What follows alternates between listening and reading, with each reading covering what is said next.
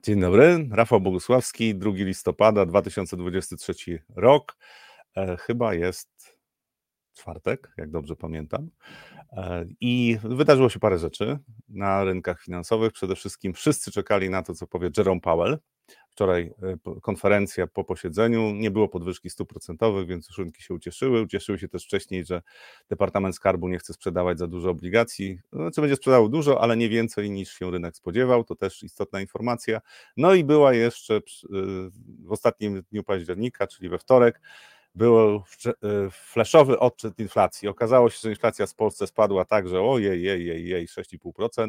No i to są takie główne tematy e, na dzisiaj, natomiast e, cieszę się, że już jest listopad, ponieważ przynajmniej w centrach handlowych znaczy, że to będzie Boże Narodzenie, już będą kolendy, White Christmas albo Light Christmas, Last Christmas, tak, nie light, światła to coś innego. Last Christmas y, to już pewnie od dzisiaj, albo od jutra, albo od weekendu już będzie można świętować Boże Narodzenie. Także zaczynam, zaczynamy od przeglądu rynków y, tradycyjnie. Zapraszam do wykresów.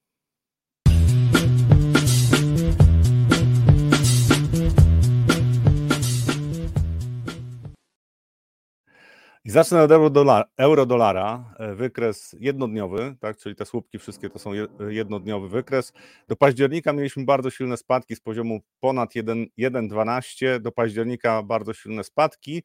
Od października mamy trend boczny, tu się niewiele dzieje na tym rynku, znaczy intradayowo sporo się dzieje, natomiast niewiele się dzieje. Ja bym zwrócił uwagę na to, co się wydarzyło e, wczoraj i dzisiaj. E, po decyzji Fedu tak, mieliśmy lekkie osłabienie dolara, ale to nie było to nie był duży ruch, natomiast dzisiaj no ewidentnie y, dolar słabnie, euro się umacnia. Czy dolar, dolar też słabnie, jak patrzymy na e, indeks dolara, to też widać, e, że jesteśmy na niższych poziomach, tu jest kontrakt na indeks dolara, DX to jest e, indeks dolarowy, jesteśmy niżej niż byliśmy niż byliśmy wczoraj. To jest reakcja według mnie oczywiście na to, co się wydarzyło co się wydarzyło wczoraj, e, ze względu e, na to, że nie ma, nie ma specjalnie pretekstów do tego, żeby oczekiwać, że Fed podniesie stopy procentowe. To wynika między innymi z przemówienia Powella, czy odpowiedzi na pytania, bo też padały istotne pytania. O tym trochę później, natomiast rynki przyjęły, że w tej chwili Powell czy cały Fed nie jest zbyt jastrzębio nastawiony. To jest coś, co jest istotne z punktu widzenia tego, co się może wydarzyć w najbliższym czasie na rynkach. E, reakcję widać na rynku walutowym, widać też na obligacjach. E, TIP to jest ETF, ETF, który inwestuje w obligacje inflacyjne amerykańskie i tutaj to wczorajszy dzień, jak widać, to jest e, wzrost. To jest ETF, czyli to jest rzeczywisty portfel, w którym posiada takie obligacje, tak zwane TIPSy. I to jest wczorajszy ruch. Wydaje mi się, że tutaj są spełnione warunki do tego, żeby kolejne dni przyniosły kolejne wzrosty cen obligacji przede wszystkim, tak, jeżeli mówimy o tych obligacjach typ, tutaj zwroty z takiego portfela uzależnione są od oczekiwań inflacyjnych i również od e, poziomu stóp procento, e, przepraszam, rentowności obligacji o stałym dochodzie. I e, obligacje o stałym dochodzie, TLT to jest taki też ETF iShares, 20-letnie obligacje posiada w portfelu, też wczoraj wzrost. Wydaje mi się, że też są spełnione warunki, żeby przez pewien czas rynki wędrowały, żeby ceny spadały, czyli żeby obligacje zyskiwały w cenie. Te 30-letnie obligacje są dość zmienne. To jest taki fundusz ETF, który stracił od szczytów, które były w listopadzie, ponad dwa lata temu. Tutaj przejdę na wykresy tygodniowe, to będzie lepiej widać.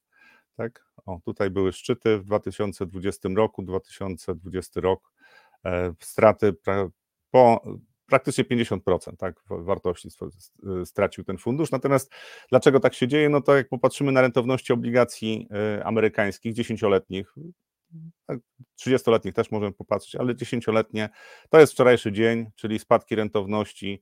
E, byliśmy na poziomie ponad w okolicach 4,90, jesteśmy na poziomie 4,73. To jest wczorajszy dzień i wydaje mi się, że jest szansa na to, żebyśmy rozpoczęli Y, short squeeze.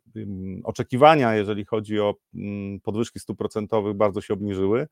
E, to, że jeszcze będzie jedna podwyżka i to większość jest przekonana, że to będzie już e, ostatnia podwyżka, jeżeli miała miejsce, ja zakładam, że nie będzie takiej podwyżki. Oczekiwania na podwyżki e, stóp procentowych są takie, że tylko 30% szans na jedną podwyżkę do końca stycznia przyszłego roku. Wydaje mi się, że nie będzie takiej potrzeby. Fed może utrzymywać stopy procentowe na obecnym poziomie jeszcze przez wiele miesięcy, nie musi wykonywać ruchu. Mają realnie dodatnie stopy procentowe, czyli mm, po uwzględnieniu inflacji one są dodatnie i to jest coś, co będzie rzutowało na rynki. E, co się wydarzyło na e, rynku amerykańskim? Rynek akcji w Stanach Zjednoczonych to jest SP500, wykres SP500. I tutaj zwróciłbym uwagę, że rynek już zaczął dyskontować w zasadzie od początku tygodnia. Ja w poniedziałek mówiłem o tym, że byki mają w zasadzie ostatnią szansę, żeby prowadzić silny kontratak. I te trzy dni, czyli poniedziałek, wtorek, środa, to są trzy wzrostowe sesje na SP500, zresztą na całym rynku amerykańskim.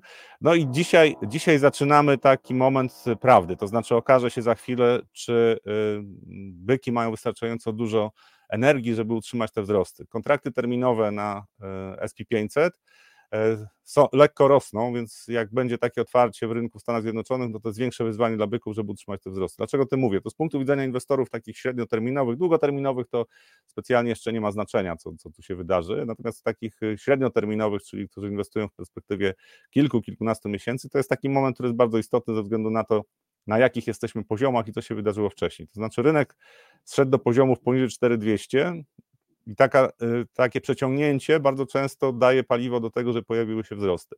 Jeżeli w najbliższym czasie, tutaj ja zakładam, że jakaś zmienność będzie, to znaczy mało prawdopodobne, żeby rynek poszedł w górę y, y, i bez żadnych ruchów korekcyjnych, to by znaczyło, że bardzo silny jest rynek, ale patrząc na to, co się działo w ostatnich miesiącach, to wydaje mi się, że tutaj trochę czasu potrzeba na to, żeby, jeżeli będzie ta fala wzrostowa kontynuowana, żeby rozbudować tą falę. Czyli tutaj, jeżeli e, byki się nie, nie, nie poddadzą, nie skapitulują i te spadki nie będą poniżej tych poziomów tutaj, tam 400 mniej więcej na SP500, to według mnie my jesteśmy w stanie zbudować E, falę wzrostową, która pozwoli przetestować według mnie szczyty wszechczasów i, i nawet trochę wyżej rynek może pójść. Mm, po, e, I warto na to zwracać uwagę ze względu na to, co, e, co to oznacza dla stóp zwrotu. Tak? Jeżeli, jeżeli rynki przyjęły wczoraj konferencję Powella pozytywnie, to jeżeli w najbliższym czasie byki nie, nie poddadzą się, E, to jest szansa na to, że tutaj te wzrosty będą trwały wystarczająco długo, żeby były zauważalne również dla średnioterminowych inwestorów. Bardzo ciekawy moment, jeżeli patrzymy na rynki akcji. E, to, co, na co też patrzyłbym z perspektywy rynków akcji, to bym patrzył na to, jak zachowywały się historycznie rynki e, akcji Stanów Zjednoczonych.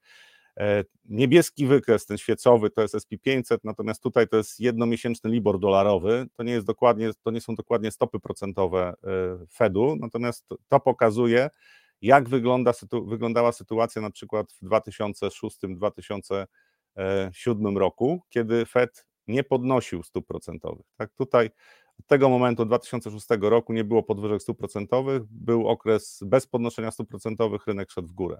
Tutaj była trochę bardziej skomplikowana sytuacja ze względu na to, że w 1998 roku Fed obniżał stopy procentowe, obawiając się tego, że kryzys rosyjski rozleje się również e, na Stany Zjednoczone, to, to co się działo w 1998 roku w Europie, że zaszkodzi Stanom Zjednoczonym, ale potem utrzymywał stopy procentowe, podniósł stopy procentowe, utrzymał stopy procentowe na stałym poziomie, to też nie był jeszcze zły czas dla rynków akcji. No i teraz jest pytanie, jak długo Fed w tej chwili będzie utrzymywał stopy na obecnym poziomie i co to znaczy e, dla rynków akcji. Spokojnie patrząc historycznie na to, co się działo z E, zachowaniem rynku akcji, tutaj wzrosty wpisują się w scenariusz, który może być realizowany. Warto patrzeć też, co dzieje się na ropie e, naftowej. To jest z jednej strony, e, jeżeli ceny spadają, to jest zmniejszenie presji inflacyjnej. Niskie ceny ropy to jest coś, co pomaga gospodarce amerykańskiej, w ogóle gospodarce światowej.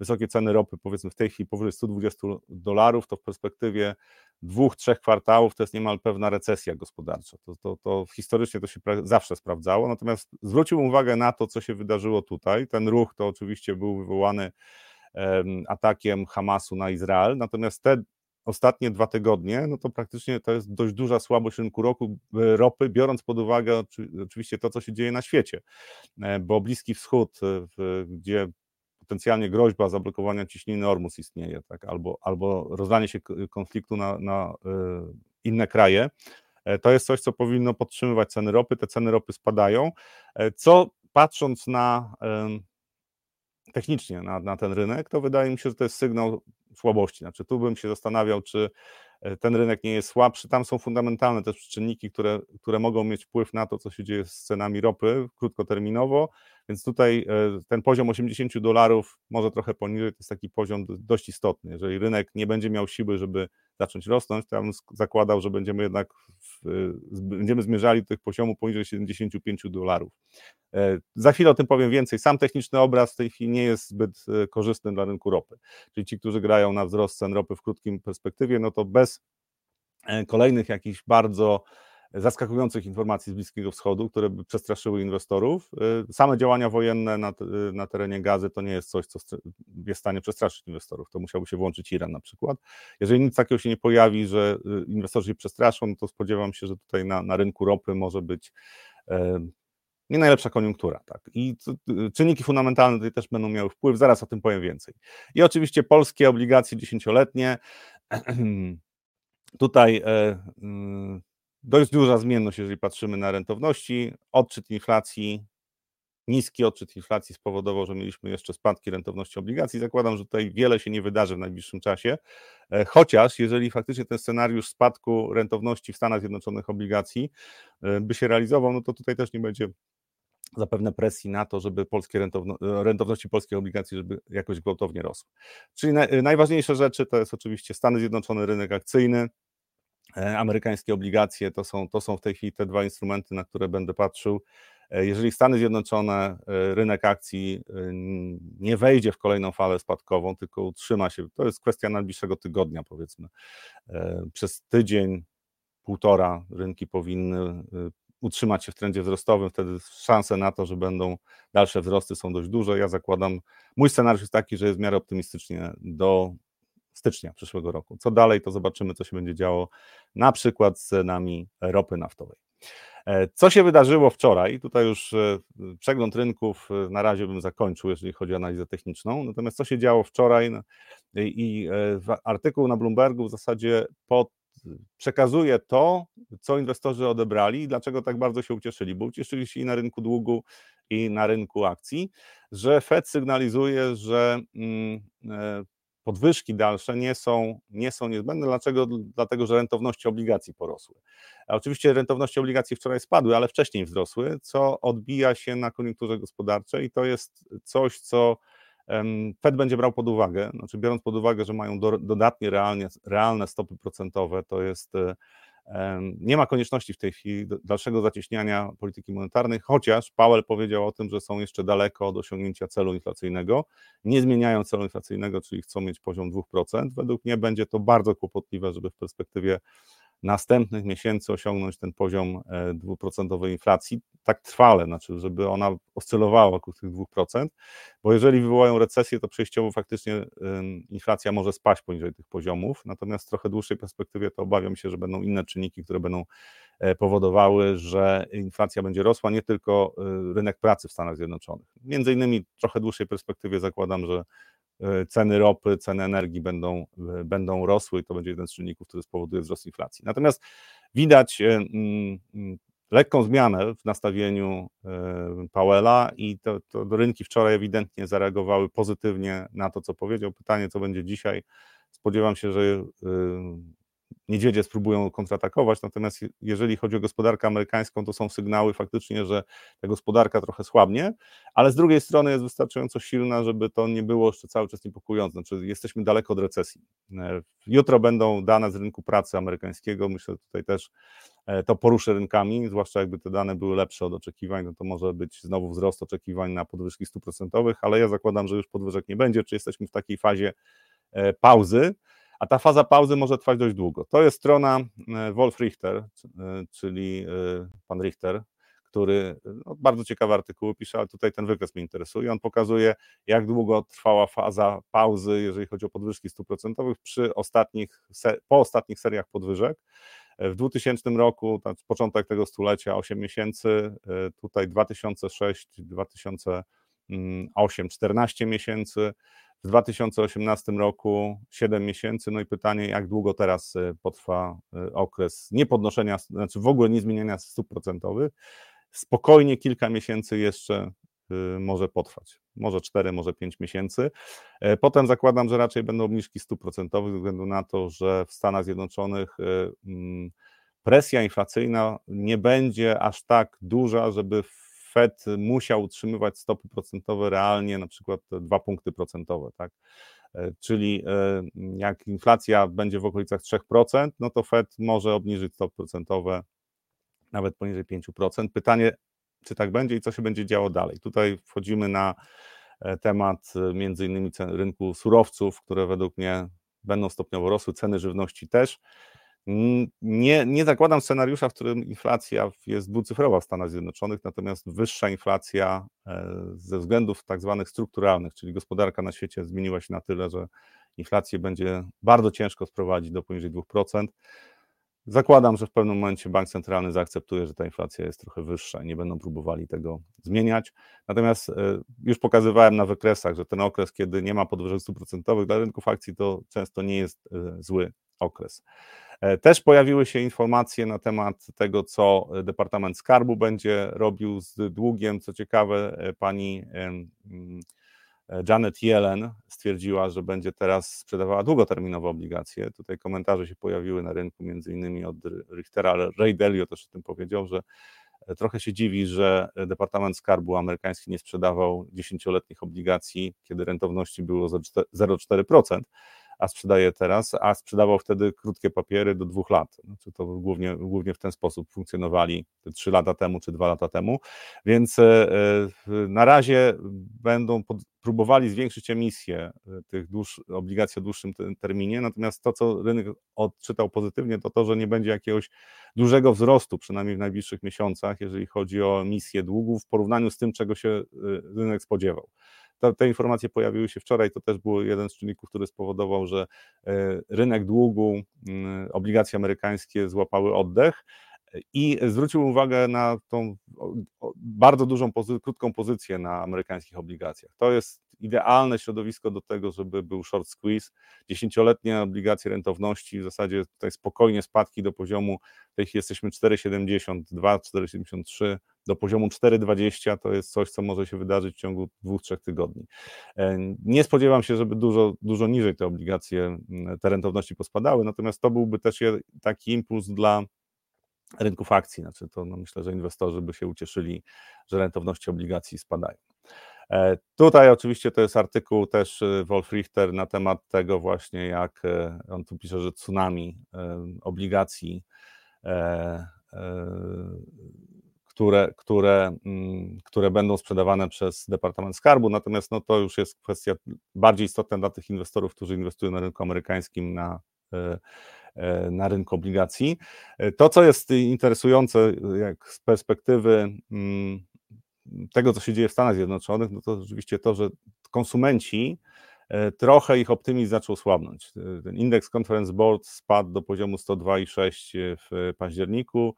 No i tutaj, jeżeli chodzi o plany zakupowe, tak, no to ci, ci konsumenci amerykańscy zaczynają się trochę obawiać tego, że jednak koniunktura, e, koniunktura gospodarcza będzie słabła, więc to się powinno zacząć przekładać na poziom sprzedaży detalicznej, ale tutaj podkreślam, ostatnie dane o sprzedaży detalicznej były bardzo mocne. E, sprzedaż detaliczna bez środków transportu wzrosła o 0,7 miesiąc do miesiąca, 0,7%, tak, miesiąc do miesiąca, więc to jest bardzo wysoki poziom. Środki transportu, tam były jakieś zawirowania związane z tym, jak się rozkładała ten popyt, natomiast tam skok był ponad 4%, więc e, to nie odzwierciedla siły konsumenta. Bardziej bym się koncentrował na tym bez środków transportu, tak? Czyli mm, te wzrosty 0,7 to pokazują, że pomimo tego, że tutaj optymizm trochę spada, to konsumenci nadal się zadłużają, e, ro, rośnie zadłużenie, jeżeli mówimy o kartach kredytowych, też pojawiają się pewne problemy ze spłatą e, tych y, zobowiązań. Tak? To jest coś, co, co stopniowo zaczyna narastać, natomiast to może narastać jeszcze dość długo. To znaczy, zanim faktycznie e, e, koniunktura gospodarcza bardzo mocno osłabnie, to może minąć jeszcze 2-3 kwartały. Ja zakładam, że Stany Zjednoczone w recesję będą wchodziły na przełomie drugiego, trzeciego kwartału. Tak roboczo przyjmuję. Być może już w drugim kwartale, natomiast jak będzie głęboka ta recesja, to wydaje mi się, że nikt tego nie wie. Co się dzieje na świecie? We wtorek pojawiły się informacje e, z Chin i tutaj oczywiście indeks PMI w zasadzie, no jak popatrzymy na to, co się, co się, jakie dane pojawiają się z gospodarki chińskiej, no to jest tylko potwierdzenie tego, że nie jest najlepiej. E, we wtorek mieliśmy spadki na indeksach akcyjnych e, chińskich giełd, natomiast jeżeli popatrzymy na reakcję w kolejne dwa dni, no to już nie było tak źle. To znaczy tutaj ta panika była krótkoterminowa, bo rynki cały czas liczą na to, że e, akcja stymulacji gospodarki, która została w lipcu zapoczątkowana przez rząd chiński i bank centralny będzie kontynuowana, czyli prawdopodobne są kolejne obniżki stóp procentowych w Chinach. Prawdopodobne będą też administracyjne działania, które zmuszą E, banki lokalne, znaczy udzielania pożyczek tak, e, na, na rynkach lokalnych, żeby stymulować też działania związane z budową infrastruktury chociażby. No, pytanie oczywiście jest takie, czy przy spowolnieniu w Europie e, i w wojnie handlowej z Stanami Zjednoczonymi, czy Chiny są w stanie utrzymać wzrost gospodarczy powyżej powiedzmy 4,5%. To, to, to byłby dobry prognostyk na następne na następne 12 miesięcy. Na razie, patrząc na to, co się dzieje w gospodarce chińskiej, no to tutaj może być tak, że, że ta gospodarka będzie rosła w tempie poniżej 4%. To już będzie odczuwalne przez e, cały świat, czyli patrząc na koniunkturę, to też można patrzeć na słabszy wzrost gospodarczy, co oczywiście byłby jednym z czynników dezinflacyjnych. To, to jest jedna z rzeczy, którą też e, obserwuję. Ja zakłada, zakładałem i zakładam, że inflacja będzie falowała, że po tym okresie spadku, który w tej chwili ma miejsce, w końcówka roku to już będą wzrosty inflacji zarówno w Stanach Zjednoczonych, jak i w Europie, bardziej w Europie. W Stanach Zjednoczonych to już w tej chwili mamy, mieliśmy lekki, lekkie wzrosty inflacji, potem spadki inflacji, ta fluktuacja już się zaczęła. W Europie mamy spadki inflacji, zaraz o tym powiem więcej, ale następne miesiące to już znowu będą wyzwania związane z efektem e, bazy i też tego, co się dzieje w gospodarce europejskiej obecnie, jakie są prognozy, jakie czynniki mogą powodować, że inflacja będzie na wyższym e, poziomie. No i e, Chiny warto obserwować, tak zakładam, że te dane nie będą katastrofalne w najbliższym czasie, natomiast każda informacja o tym, że rząd chiński podejmuje kolejne działania, powinna poprawiać sentyment na rynku akcji, przynajmniej krótkoterminowo. Ten rynek jest bardzo wyprzedany, więc tam E, koniunktura może się trochę poprawić, natomiast bardziej istotna jest e, oczywiście sama gospodarka chińska, bo bez gospodarki chińskiej tutaj wzrost gospodarczy, zwłaszcza e, w Unii Europejskiej, no może być znacznie mocniej zagrożony niż w tej chwili analitycy to uwzględniają w swoich prognozach. Co się dzieje w Polsce? No inflacja spadła do 6,5%, tu zapraszam do nasze, na nasz serwis analizy analizy.pl. Inflacja spadła do 6, 6, do 6,5%. Jak popatrzymy na składowe, to tutaj też oczywiście 6,5% spadku to imponująco bardzo wygląda, natomiast też jak popatrzymy na składowe, no to tutaj oczywiście paliwa 14% e, pospadały. E, I e, jak popatrzymy na składowe, tutaj jest PKO BP, tak, mają dość dobre analizy, opisują co się wydarzyło. Jak popatrzymy na składowe, to tutaj jest wykres cen paliw, Tutaj jest żywność i napoje e, i nośniki energii. Tak? To, to, tutaj inflacja jest na tym poziomie. E, czyli ewidentnie no, ceny mm, paliw to jest coś, co spowodowało, że w Polsce mamy niższą inflację. E, I pytanie, co będzie dalej? No ja zakładam, że dalej będzie pewien problem, ponieważ już w tej chwili widzimy, Tutaj e, Daniel Kostecki tak, e, przedstawił taki wykres, jak wyglądają ceny w hurcie Orlenu i tutaj praktycznie po wyborach tak, ceny w hurcie zaczęły rosnąć, benzyny 95 oktan, e, zaczęły rosnąć, tak, no, ta historia o tym, że to wynikało z tego, że coś się wydarzyło na rynku, no widać, że niespecjalnie się realizuje, zwłaszcza, że teraz ceny hurtowe rosną, pomimo tego, że w ostatnim czasie ceny ropy spadały. Według mnie ceny w, na stacjach w detalu dość szybko powinny wrócić do 7 zł. E, I to jest jeszcze 50 groszy z obecnych poziomów, bo na razie jesteśmy w okolicach 6,50 e, na stacjach benzynowych. Jesteśmy 8% powyżej tych cen, które były utrzymywane przed wyborami, więc za chwilę inflacja zacznie być znowu problemem, inflacja cen paliw, znaczy wzrost cen paliw to będzie coś, co spowoduje, że E, ten efekt dezinflacji zacznie się zmniejszać. I ponieważ pozostałe wskaźniki e, mające wpływ duży na inflację, na przykład wzrost cen żywności jest na poziomach powyżej 8%, tak, czy 9%, to zakładam, że już e, za listopad inflacja będzie powyżej 7%. W przyszłym roku, w drugim kwartale, myślę, że jesteśmy w stanie mieć inflację około 9%, 9% ze względu na to, że tam efekt bazy zniknie. Znaczy po prostu będzie sytuacja, w której zobaczymy co się dzieje z gospodarką, która została przez 3 lata, praktycznie 2,5 roku utrzymana z wysoką inflacją, gdzie pozwolono inflacji wzrosnąć do poziomu dwucyfrowych i jak trudno potem wygasić efekty drugiej rundy, czyli to, to, co się dzieje w gospodarce, czyli kolejne fazy, które będą powodowały, że inflacja w Polsce będzie y, fluktuować, chociaż powinna stopniowo spadać, ale czy spadnie poniżej 5% w perspektywie następnych dwóch lat, to śmiem wątpić. Znaczy, oczywiście jest tyle niewiadomych, jeżeli o, y, chodzi o politykę gospodarczą w Polsce, że e, prognozowanie poziomu inflacji no jest bardzo trudne, bo to nawet kwestia tego, co się wydarzy na początku roku, e, w jakim stopniu zostaną e, odmrożone podatki, w jakim stopniu zostaną e, odmrożone ceny energii, jak, w jaki sposób będą, jak, w jaki sposób rząd będzie reagował na to, na co musi zareagować. Znaczy w tej chwili, jeżeli nic rząd nowy zakładam, że będzie, nie zrobi, no to na początku roku możemy mieć skokowy wzrost na przykład cen energii. Zakładam, że jednak działania jakieś będą i tutaj ta inflacja będzie trochę, y, mm, trochę w ten sposób y, wypłaszczona. Natomiast i tak według mnie fluktuacja będzie podobnie jak w innych mm, mm, krajach Unii Europejskiej. I tutaj e, ja oczywiście widzę, co się dzieje w, w strefie euro, co się dzieje w ogóle na świecie, że spadki inflacji E, w strefie euro już inflacja jest poniżej 2, 3%, 2,9% to jest ostatni odczyt inflacji. E, silna dezinflacja, tylko jest podobnie jak w Polsce. Znaczy to, co się działo wcześniej, jak popatrzymy na przykład na e, wykres cen gazu ziemnego. To jest wykres cen gazu ziemnego w Rotterdamie za ostatnie dwa lata kontrakty terminowe. To nie jest tak, że to się przekłada jeden do jeden na, na ceny gazu na rynku, natomiast to ma duży wpływ. No i tutaj praktycznie końc, y, mm, trzeci kwartał ubiegłego roku to był szczyt paniki. Zresztą wcześniej te ceny gazu też były na, na wysokich poziomach. Te ceny gazu pospadały, natomiast już od pewnego czasu tutaj jesteśmy w lekko rosnącym trendzie i mm, jak wejdziemy w przyszły rok, czyli będziemy porównywali się rok do roku, to okaże się, że e, nie ma takiego efektu dezinflacyjnego, jaki był tutaj. Czyli te ceny energii ponownie, mm, nośników energii zaczną rosnąć. I to jest pytanie oczywiście, co będą robiły rządy, jak będą działały, jeżeli chodzi o odmrażanie cen paliw, e, przepraszam, cen energii. E, tutaj to jest dużo bardziej złożona układanka, bo no, rządy wielu krajów podjęły różne działania pokowidowe i albo zamroziły ceny paliw, albo ograniczyły E, przenoszenie e, cen rynkowych na to, co się dzieje w przypadku kupowania e, energii przez gospodarstwa domowe, zwłaszcza, ale również przez firmy.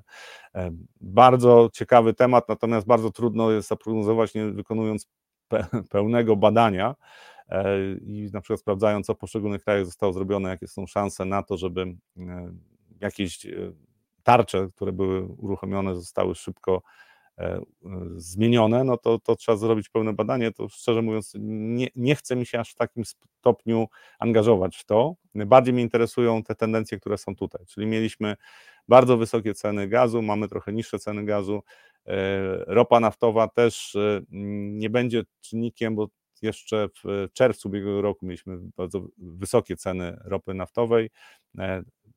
Później będzie już mniejszy wpływ, jeżeli chodzi o dezinflację, jeżeli patrzymy tylko na cenę ropy naftowej.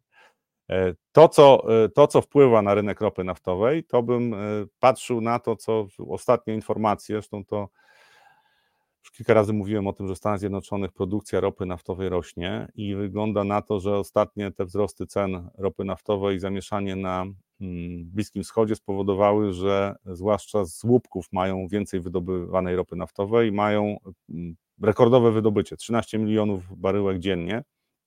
To jest coś, co warto brać pod uwagę, bo pojawiły się też informacje z OPEC, że kraje afrykańskie y, są w stanie realizować y, swoje limity wydobycia, czyli tam nie będzie obniżenia poziomu wydobycia. No i pytanie, czy przy y, cały czas słabszej koniunkturze w Chinach, słabnącej w Europie, czy faktycznie e, ten poziom e, produkcji ropy naftowej nie jest w tej chwili wystarczający do tego, żeby ceny ropy nie rosły?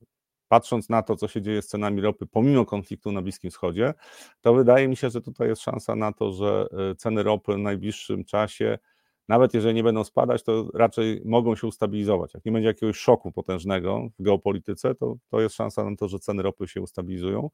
To jest jeden z pozytywnych e, e, elementów układanki typu dezinflacja, tylko niekoniecznie w, na, w najbliższych miesiącach bardziej w perspektywie powiedzmy dwóch lat, tak, że brak wzrostu cen ropy naftowej to będzie coś, co spowoduje, że inflacja łatwiej będzie sprowadzić inflację do takich akceptowalnych poziomów. Natomiast krótkoterminowo to będzie po prostu trochę mniejsza amplituda wahań, natomiast według mnie w Unii Europejskiej, w strefie euro, ta fala wzrostu inflacji będzie miała miejsce. Dlaczego?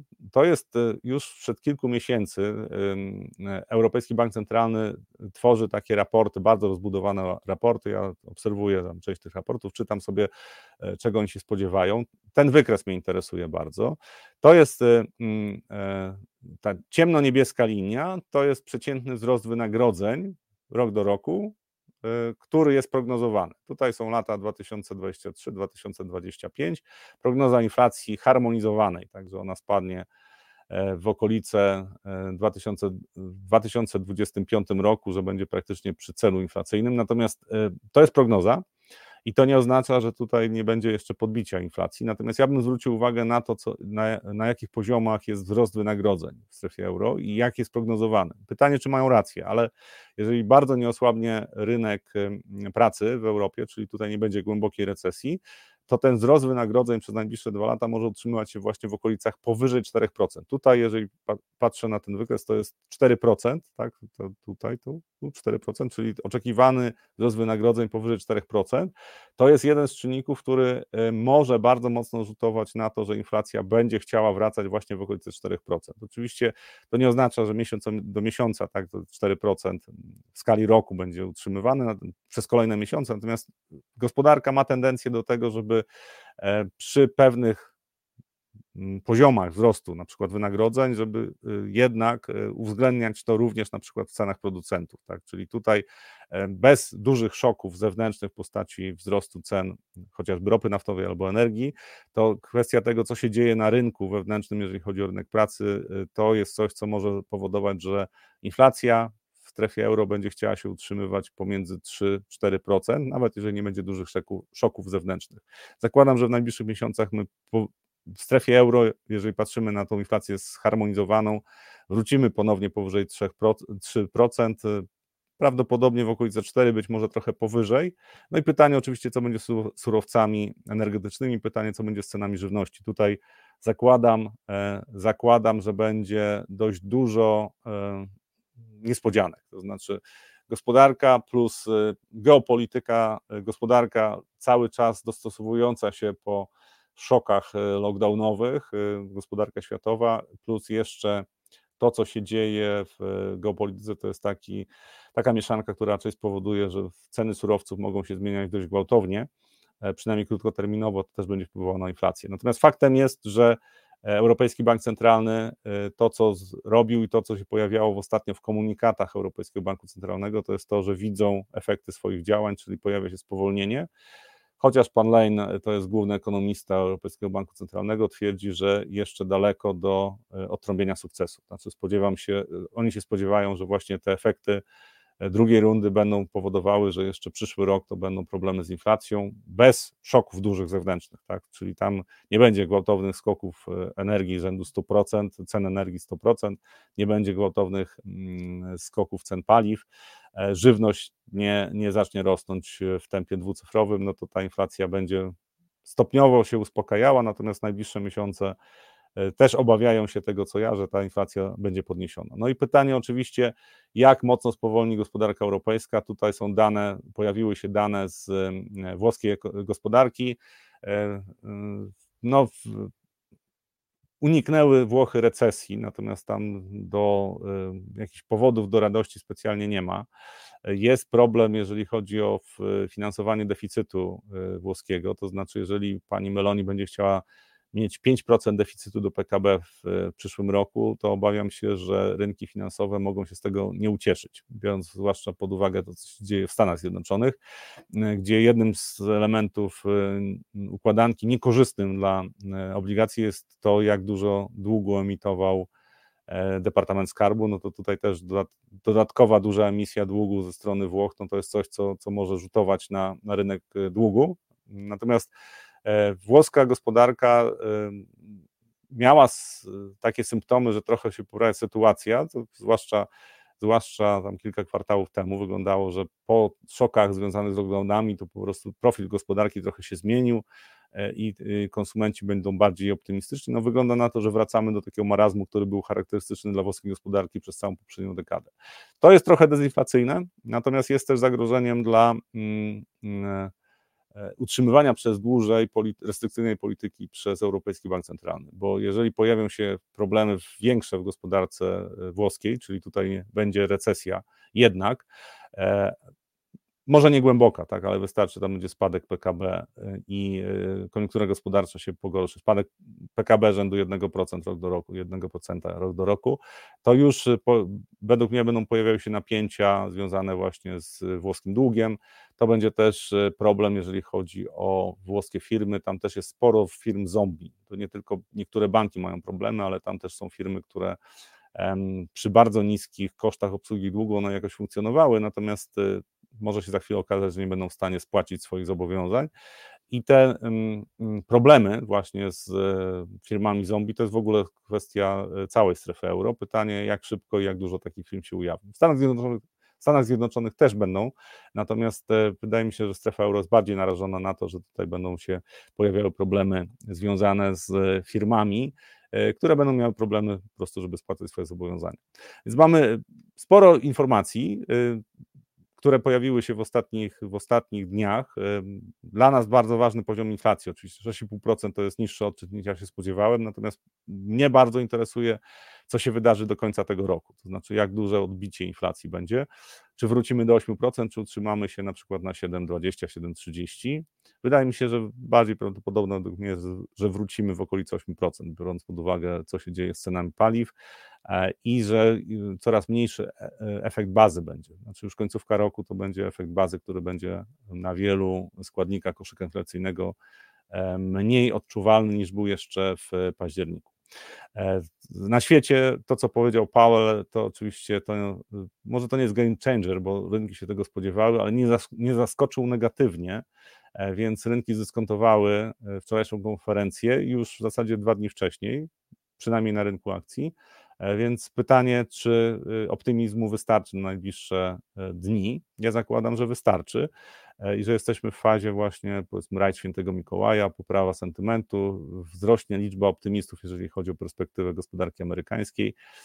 No i wtedy pewnie znowu będzie obawa o to, co się może wydarzyć z rynkiem akcji, bo jak jest za duży optymizm, to lipiec pokazał, że potem najczęściej pojawia się, mm, pojawia się korekta. W lipcu optymizm na rynku amerykańskim był e, bardzo duży, więc od tego czasu SP500 do dołka stracił 10%.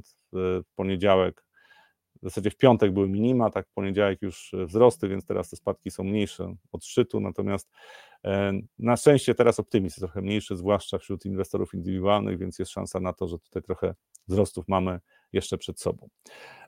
E, Paulina D. Jak zakończy się sytuacja z kontrolą krzywej w Japonii, jenem i obligacjami? No, jen ostatnio przekroczył 150, e, znaczy dolar, tak, jest droższy niż 150 jenów mm, i tam według mnie nie ma dobrej, e, dobrego wyjścia dla Banku Japonii, bo oni powinni podnieść stopy procentowe, może nieznacznie, tak, ale nie powinni utrzymać ujemnych stóp procentowych, bo dalej utrzymują.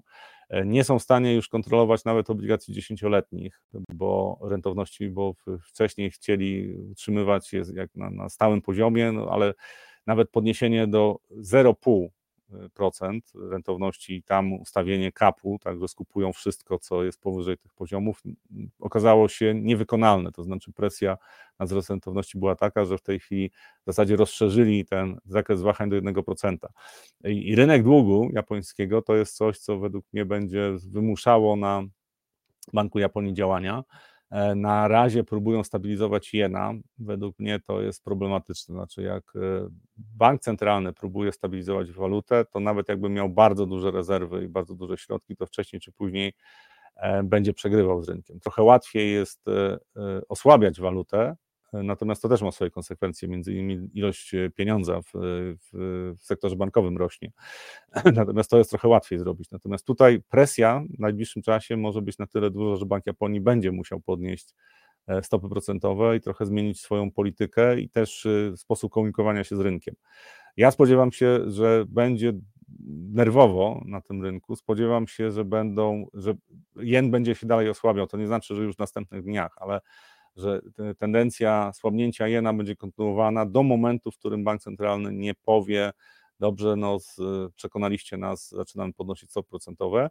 Pytanie, jak zareaguje gospodarka i pytanie, czy to zatrzyma e, słabnięcie jena. Tak? To, to jest kwestia też japońskiego długu. Ja e, patrząc na japońską gospodarkę, z jednej strony widzę e, potencjał ze względu na to, że ta gospodarka zaczęła żyć, zwłaszcza firmy e, tutaj e, korzystają z tego, że konsument japoński trochę, trochę się ożywił, przestali tak bardzo oszczędzać jak wcześniej. Ten eksport to nie jest, to nie jest najważniejsza część dla gospodarki dla Japonii, natomiast jest na tyle ważna, że patrząc na giełdy zwłaszcza, no to tam Największe firmy są eksporterami również, więc warto, warto patrzeć, jak wygląda możliwość eksportu e, japońskich firm. No, słabszy jen to jest zaleta. Znaczy, dłuższej perspektywie niekoniecznie, ale krótkoterminowo tak. Więc jak popatrzymy na to, co, e, co może się dziać w najbliższym czasie na e, Japonii, to ja bym się spodziewał, że po prostu Bank Japonii wywiesi białą flagę, zacznie podnosić stopy procentowe, żeby ustabilizować kurs jena. E, rynek obligacji japońskich no w tej chwili jest mało atrakcyjny. Znaczy, patrząc na te rentowności, które tam są, to dla zagranicznych inwestorów to naprawdę jest mało atrakcyjny instrument. Jest to duże wyzwanie i myślę, że te zawirowania na, na rynku długu japońskiego to jest coś, co może rzutować też na, na inne rynki. E, spora niepewność. E, większość inwestorów, znaczy większość funduszy, która w Polsce inwestuje, raczej nie, nie kupowała, znaczy bardzo nieliczne fundusze mają jakiś tam niewielki ułamek japońskich obligacji, są takie fundusze, które sprawdzałem, natomiast to nie jest tak, że to są portfele dedykowane Japonii, więc tutaj dla e, naszych inwestorów to nie ma takiego znaczenia. Większe znaczenie może mieć to, że e, zmiana polityki Banku Japonii to jest coś, co spowoduje, że mm, inne rynki też zaczną się zastanawiać, czy na przykład włoski dług, czy te rentowności są adekwatne, które są na, na włoskim długu, są adekwatne do tego, jak wygląda ryzyko e, gospodarki włoskiej. To chyba najbardziej tak, w krótkiej formie mogę odpowiedzieć na to pytanie. Sporo nie wiadomo. Znaczy, jeżeli chodzi o japońską walutę, to ja zakładam, że będzie słabła, natomiast co, jakie będą konsekwencje tego? Książkowo Bank Japonii musi zacząć walczyć z e, osłabianiem waluty, no bo to jest samo napędzające się koło. Znaczy w pewnym momencie, jak e, waluta słabnie, to inflacja też zaczyna rosnąć a to się może przełożyć na, na utrwalenie oczekiwań inflacyjnych, znaczy ta gospodarka może stać się proinflacyjna. E, to chyba na dzisiaj już wszystko. Zapraszam e, oczywiście do subskrypcji, polubienia naszej strony, zapraszam też do śledzenia powiadomień, e, bo będziemy informowali o tym, kiedy, kiedy się pojawiamy. Pojawimy się na pewno, pojawimy się szybko. Czy jutro to jeszcze nie wiem, natomiast e, na pewno powiadomimy o tym, że będziemy się pojawiali, pojawimy się w przyszłym tygodniu. Będzie sporo rzeczy się działo i w gospodarce polskiej, i w polityce. E, mija czas już 2,5 tygodnia od wyborów, no a tutaj rząd nadal jeszcze nie załatwił środków z KPO, a chyba rząd się nie zmienił. A, to coś pomieszałem, dobrze. E, w każdym razie zapraszam na kolejne live. Na dzisiaj to już wszystko. Bardzo dziękuję za uwagę.